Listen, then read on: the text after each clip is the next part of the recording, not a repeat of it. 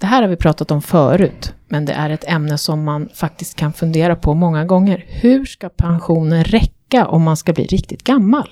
Ja, medellivslängden ökar ju som bekant. I Sverige har den ökat med drygt fyra år sedan 1990. Och nu läser jag till ifrån SCBs webb.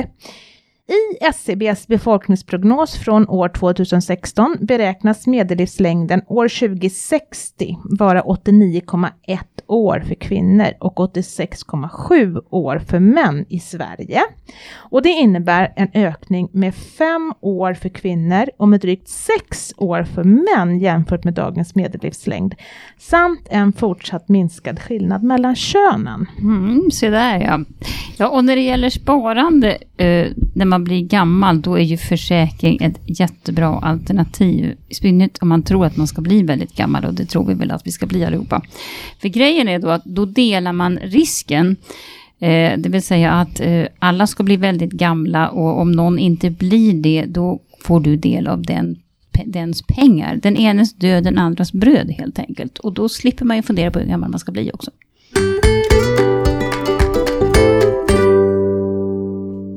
Välkommen till Min Pensionspodden. I det här avsnittet ska vi prata om sparande för ett långt liv, alltså pensionen. Vi har bjudit in Eva Erlandsson från Svensk Försäkring. Välkommen till oss. Berätta lite, vem är du och vad gör du?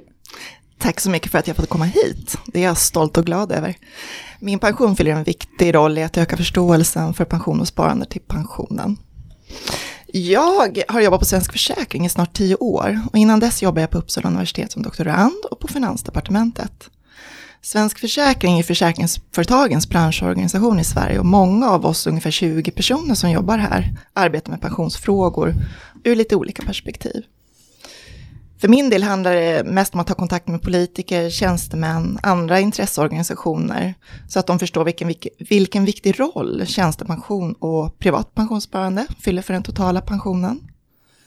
Det är viktigt att de regler som gäller för pensionssparande är stabila och långsiktiga. Det är också viktigt att alla förstår betydelsen av försäkring, det som Kristina var lite inne på. Att det inte är vilket sparande som helst. Det är inte samma sak att spara till sin pension som att spara till en bostad eller resa. Jag börjar själv närma mig 50-årsåldern och två barn som närmar sig 20-årsåldern och snart flyttar hemifrån. Det här gör att jag själv också har fått mer tid att fundera över min egen pension. Om jag har rätt nivå på sparandet, sparar jag på rätt sätt? Och hur ska jag ta ut min pension? Mm, det här låter ju som att vi kommer få veta massa bra saker, för du har ju egen erfarenhet alltså. Min pension har ju tittat på ungefär hur stor skillnaden är mellan löner när du slutar jobba och, när och hur stor pensionen kan tänkas bli då. Och i den rapporten så visar det att de som går i pension idag i snitt får 60 procent av sin slutlön när de tar ut sin pension. Är det att vi lever längre som är problemet eller finns det någonting annat som påverkar det här? Alltså, jag tror att politikerna hoppades att vi skulle jobba längre än vad vi gör idag. De gav oss liksom lite morötter då när man ändrade i pensionssystemet för sådär 20 år sedan. Och man skulle då belönas om man jobbade längre upp i åren. Man skulle få mer pension varje månad när man började ta ut den. Det var liksom triggern. Men uppenbarligen så det här inte räckt. Det har inte varit tillräckligt intressant. För att även om vi då blir äldre nu för tiden så jobbar vi inte mer än förut. Vi jobbar till och med nästan mindre. Och det är klart, då blir det ju lägre pension varje månad för pengarna ska räcka flera år. Eh, och jag tänkte fråga dig Eva, eh, det här har, pensionssystemet har ju funnits i närmare 20 år. Eh, vilka effekter börjar vi se för de som har börjat närma sig pensionen eller redan har gått i pension? Syns, syns det nya systemet? Ja, det gör det. Om man säger man tar det från början kring pensionssystemet som vi faktiskt har idag, så är det väldigt bra utformat. Det är finansiellt stabilt, säger man. Och det betyder helt enkelt att det kan inte betalas ut mer i pension än vad som faktiskt har betalats in. Och det är en bra tanke i grunden. Det är lite grann som med vår privata ekonomi. Vi ska inte konsumera för mer än vad vår lön räcker till. Och eh, de pengar som betalas in till pensionssystemet, de kan bara användas till våra framtida pensioner. Det är också tryggt och gör åtminstone mig, mig liksom nöjd och trygg med pensionssystemet som så. Men som du var inne på Kristina, vad innebär det här? Baksidan är att pensionerna inte alltid upplevs räcka till för alla och att den pension som vi får kanske blir lägre än vad vi egentligen behöver för att täcka alla våra utgifter varje månad. Och tyvärr får ju vissa en så låg allmän pension att de är berättigade till garantipension som ett statligt bidrag. Så på så sätt så blir garantipensionen en räddningsplanka för pensionen för personer som har så låga pensioner att det inte räck, riktigt räcker till. Men det här att man får en låg pension, det är inte bara en slump, det hänger samman med de val man har gjort under yrkeslivet. Till exempel vilket yrke man har valt, om man har valt en utbildning som kan leda till att man får en låg inkomst. Det kan också vara så att man har jobbat deltid, vilket ger lägre pensionsrätter. Man kan ha haft långa perioder utan arbete, vilket ger en lägre inkomst. Eller så har man råkat hamna inom en bransch där lönerna råkar vara låga. Tyvärr är det ju också så att många arbetsplatser som domineras av kvinnor, till exempel inom kommuner och landsting, så är lönerna låga. Och det här i sin tur gör att pensionen blir en jämställdhetsfråga. Det finns stora skillnader mellan, i pension mellan kvinnor och män, vilket då har sitt ursprung i var man jobbar, om man jobbar heltid eller inte, vilken utbildning man har och så vidare. Okej, men ser man någon reaktion på utvecklingen i att pensionerna blir lägre än förväntat? Alltså? Ja, det gör man faktiskt och kanske är det i kombination också med att det privata pensionssparandet har slopats. Vi ser att sparandet inom tjänstepension har ökat inom flera områden. Det här har skett under ett antal år tillbaka. Så tjänstepensionen kan man säga har blivit en ventil för ökat sparande till pensionen. Vi betalar alla, alla in 18,5 procent av vår lön till det allmänna pensionssystemet. Det är liksom en given del i det hela. Det betalas in oavsett om vi vill det eller inte och vi kan inte påverka den här nivån. Och det gör att i och med att det privata pensionssparandet är avskaffat så är den enda ventilen för att spara mer, det är tjänstepensionen. Och det är tydligt också att den här ventilen då, som jag kallar det för pensionssparande, används. Från, från början, kring 2006 då, när ITP-avtalet för tjänstemän tecknades, så sattes premien till 4,5 procent av lönen upp till taket, som idag är ungefär 38 000 kronor per månad. Och för högre inkomster än så sattes premien till 30 procent. Det här avtalet, ITP-avtalet, det blev en slags mall för andra avtal som kom därefter. Till exempel för privatanställda arbetare och för de som jobbar inom kommuner och landsting. Men sen hände någonting. Flera förbund började sluta överenskommelser om kompletterande premier, lite extra premier. Så idag har vi en slags pensionsglidning där det sätts av allt från några tiondels procent extra utöver de här 4,5 ända upp till dubbelt så mycket som tidigare. Till exempel gruvarbetare har idag hela 9 procent av lönen som sätts av till tjänstepension. Upp till då omkring 38 000 kronor. Och de här tilläggen, det är varianter av deltidspensionslösningar eller flexpensionslösningar. Som gör det möjligt att gå ner i arbetstid inför pensionen eller att sluta arbeta tidigare. Så vi spar idag mer än vad vi gjorde för tio år sedan via tjänstepensionen. Alltså någon typ av omedvetet sparande, för det är din arbetsgivare som sköter allt det där. Sådär. Ja, precis, det är det. Det har inte riktigt Nej, precis. På. Och, och, och, det blir ju det eftersom tjänstepensionen är obligatorisk för dig som anställd. Du kan inte välja bort Nej, den. Precis. precis, och det är helt rätt Ulrika. Alltså är det här bra eller dåligt då? Jag tycker, jag kan inte låta bli att tycka som ekonom att det är bra att man sparar. Så att man har, så att säga. Och jag tycker att det är bra att det här görs på ett organiserat sätt. Pengarna är öronmärkta till pensionen, de är inlåsta. Det är också bra att det sker inom upphandlade lösningar. För de här är ofta billigare än om du gör det själv individuellt. Men man får ju också tänka på att det finns en gräns för hur mycket det är rimligt att spara idag till framtiden. Man måste också kunna, vi måste också kunna konsumera idag. Eh, ett bekymmer, tycker jag, är att det finns så många olika lösningar beroende på vilket avtalsområde du jobbar inom. Det är en riktig flora av olika typer av avtal. Det här gör att det blir ännu svårare att förstå sin tjänstepension. Det där var inte lätt sedan tidigare. Och det finns också arbetsgivare, mindre arbetsgivare, som kan ha svårt att sätta sig in i vad som gäller för just dem. Och det här kan leda till minskad rörlighet, för vad händer om jag byter jobb? Vad innebär det för min pension? Det kan vara ganska svårt att sätta sig in i. Det är svårt att värdera tjänstepensionen jag har nu relativt den jag får hos en ny arbetsgivare, om jag byter avtalsområde. Ja, det gäller att karriärplanera sin pension skulle jag vilja säga.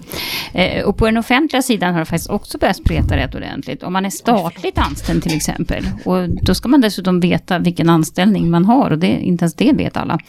Eh, men staten har numera flexpension, alltså extra tillägg till pensionen. Eh, och det finns inte i kommuner och landsting om man jobbar där. Eh, när det gäller föräldraledighet, då är de här offentliga avtalen alltså som man jobbar inom stat och kommun och landsting, då är de mycket mer generösa än om du är privatanställd. Så det är ganska mycket du måste ha koll på och ha koll på tidigt i livet. Du kan ju faktiskt förlora tusenlappar om du så att säga jobbade på fel ställe när du hade små barn. Eh, så tipset då, det är ju att, att man redan när man börjar på ett jobb så ska man ta reda på vilka villkor som gäller. Till exempel om man vill jobba deltid eller ja, vad som händer när man blir äldre. Och, och eftersom avtalen ser så vansinnigt olika ut så har det ju väldigt stor betydelse för alltså, din, din framtida planering helt enkelt. Och det där, jag vet inte om jag tycker att det, det, det gör det ju svårare för, för mig som individ. Eh, men fråga på jobbet, det brukar vara ett bra tips alltid. Och jag tror att fler och fler börjar faktiskt prata tjänstepension. Så att det är liksom inte konstigt om man kommer och frågar om tjänstepension. Eh, och annars så kan man ju faktiskt googla på villkoren också. Men om jag inte omfattas av tjänstepension då, om min arbetsgivare inte vill ansluta sig till något avtal, vad gör jag då? Jag kan ju först säga att du inte är ensam. För omkring 10 procent av de som är sysselsatta, det vill säga har ett jobb idag, omfattas inte av kollektivavtal. Men sen ska sägas att omkring hälften av de här 10, då, 5 procent, de har en motsvarighet till tjänstepension. Det kan handla om att du är enskild näringsidkare, du har ditt eget företag och sparar i en egen pensionsförsäkring. Eller så kan du vara anställd vd som har ett eget pensionsavtal. Men det är fortfarande kvar 5-6 procent som saknar tjänstepension eller motsvarande. Om du då är anställd och inte har tjänstepension så är det för det första viktigt att du är medveten om det. Och det innebär också att du i praktiken har en lägre lön jämfört med motsvarande samma lön då, en person som har samma lön och jobbar på en arbetsplats men som har tjänstepension. Så när vi jämför olika jobb och vilka villkor och vilken lön de ger så borde vi också fundera över tjänstepensionsavsättningen och undersöka den delen. För vi brukar faktiskt prata om tjänstepension som uppskjuten lön. Och som ett riktmärke, om du inte får tjänstepension, då bör du i alla fall få 4-5% högre lön. Sen beror det lite grann på hur mycket du tjänar och så. Och vilket avtalsområde du är i, men det är, det är liksom ett riktmärke. Minst så mycket ska du ha extra i lön då. Och de här pengarna du i så fall får extra då, det ska du ju spara och inte direkt konsumera upp. Tanken är ju då att det ska användas till din pension. Mm. Sen kan jag förstå att det inte alltid är så lätt, för du kanske konkurrerar med andra som söker samma jobb och de inte medvetna om det här och då blir dina lönekrav höga jämfört med dem. Men det här handlar om att skapa en medvetenhet om det här så att allt fler frågar efter det här, att man förstår att tjänstepension är en del av lönepaketet. Och då kommer fler förhoppningsvis att ställa de här kraven när de förhandlar om lönen. Mm. Ja, för det är ju så att om du då får de där 4-5 procenten högre lön och tänker avsätta dem till pension, då får man göra avdrag idag, eller hur Kristina? Skattemässigt va? Ja, man kan säga så här att har du ingen tjänstepension så då vill du att du, du, kallar det för rätt sak. Men om du till exempel har, har ett eget företag, då kan du fortfarande ha en avdragsgill pensionsförsäkring. Och om du inte har någon tjänstepension i din anställning, Precis. då är det fritt fram. Mm. Om man nu vill spara till sin pension, vad är det man ska göra? Är det fonder, försäkringslösningar? Vilken typ av sparande ska jag hitta på? Det här beror ju helt Ulrika på, på du är, hur du är som person faktiskt. Det är det som gör det så svårt att ge råd om ekonomi. Det beror på vilket intresse har av att följa och förändra ditt sparande. Är det här någonting du gör varje dag, någon gång om året, aldrig? Och hur stora marginaler har du i övrigt vad gäller ekonomin? Och sen om du sparar på något annat sätt, spar du, har du en bostad du amorterar på? Eller har du fonder och aktier som tidigare? Hur, hur ser det Man behöver tänka på den hela portföljen, ditt totala sparande. Sen så pratar vi också som ekonomer om något som kallas för riskaversion. Hur beredd är hur villig är du att ta risker med ditt sparande? Är du en spelare eller inte? Så det är flera saker som spelar in i det här. Men jag vill förstås lyfta fram försäkringssparande, för det har moment som andra sparanden inte har. Till exempel om du sparar i aktier och fonder, det är inte samma sak. För det förnuliga med försäkring, det är att du delar risken med andra. Du står inte själv med risken för att leva längre än vad dina pengar räcker till. Och egentligen om man tänker på det allmänna pensionssystemet så är det en enda stor försäkring där alla som tjänar in till pension i Sverige är med i samma grupp och delar på risk. Och tjänstepensionssystemet är uppbyggt på samma sätt. För ingen av oss vet med säkerhet hur länge vi kommer att leva efter att vi har fyllt, när vi har gått i pension. Vi kanske går i pension vid 65, 67, 69 år. Och vissa lever bara några år andra blir över 100 år. Så om alla, var och en, ska spara till sig själv så att pengarna, och inte riskera att pengarna tar slut. Då betyder det att vi måste ha väldigt stora marginaler i sparandet. Jag måste ju spara ifall att jag blir 100 år så måste jag ha pengar så att det räcker. Men om jag sparar i försäkring, då delar jag den här risken för att leva till 100 år, vilket i sig är ju trevligt att leva så länge. Men det är en risk ekonomiskt sett för att pengarna kanske inte räcker till. Och om vi då delar risk tillsammans så räcker det med att jag sparar så att jag har pengar som räcker till jag blir 85 år, vilket är den genomsnittliga livslängden idag, 2017. Men tänk om jag dör innan jag fyller 85 år då? Då blir det en förlust för mig. Jag kanske dör redan när jag är 70 och då förlorar jag ju alla mina pengar. Ja, jag förstår din fråga och jag tror faktiskt att många tänker så. Jag kan tänka så själv också. För man vill ju hellre instinktivt att barnen ska gå till barnen än till okända försäkringssparare som man aldrig träffar. Men du får inte glömma att det är precis det här som försäkring handlar om. Det skulle istället kunna vara du som lever till 95 år och då blir det du som får pengar från de andra som så att säga har dött. Ett sätt att hantera den här frågan för att göra det lite enklare rent mentalt eller känslomässigt tror jag är att ha en spridning i sitt sparande. Att du sparar på olika sätt. Du har en sparande i en försäkring till din pension. Sen kan du amortera om du har lån. Du kan spara i obligationer, fonder, aktier också. Att du har en spridning i ditt sparande. Men i det här är ju viktigt att det ingår en del som är tänkt till din pension, att det är långsiktigt. Men om jag nu vill spara i en försäkring, då finns det ju en förfärlig massa försäkringar att välja på också. Alltså hur ska jag hitta rätt där? Ja, det är inte så lätt, jag håller med om det. Konsumenternas försäkringsbyrå har bra information om det här, men jag kan säga kort att du kan välja mellan grovt sett en traditionell försäkring eller en fondförsäkring. En traditionell försäkring, då är det försäkringsbolaget som placerar dina pensionspengar och du erbjuds ofta en garanti för, för sparandet. Den här garantin kan vara lite olika beroende på i vilket försäkringsbolag du sparar. Det kan variera från allt mellan att du garanterad får ut minst det du har betalat in en gång i tiden och det kan vara neråt 70 procent av dina premier som du har sparat. Eh, pengarna i en traditionell eh, pensionsförsäkring eh, placeras i räntor, aktier, fastigheter, allt möjligt, men du kan inte själv påverka den här placeringen. Så jag tycker att en sån här traditionell försäkring, det är bra för dig som inte är så intresserad av att placera pengarna själv. Du vill ha ett säkert, stabilt sparande som inte förändras så mycket eller snabbt och du är säker att få, att, att pengarna inte försvinner så att säga. Det, det finns en, en garanti i botten. Om du däremot väljer att spara i en fondförsäkring så är det du själv som styr över hur pengarna placeras. Du får ingen garanti och det är helt logiskt eftersom det är du som placerar pengarna själv. Och det här är ju jättebra om du är intresserad av att placera pengar. Och beroende på hur du gör dina val och vad utfallen blir så kan du välja en högre risk eller en lägre risk. Du kan få en chans till en högre avkastning jämfört med en traditionell försäkring och det kan bli en lägre avkastning. Om jag nu har en sån här försäkring och som jag ska betala på egen hand och spara på egen hand. Eh, är det inte så att jag får betala lite högre avgifter då? Och kan jag få en livsvarig utbetalning om jag liksom sparar själv?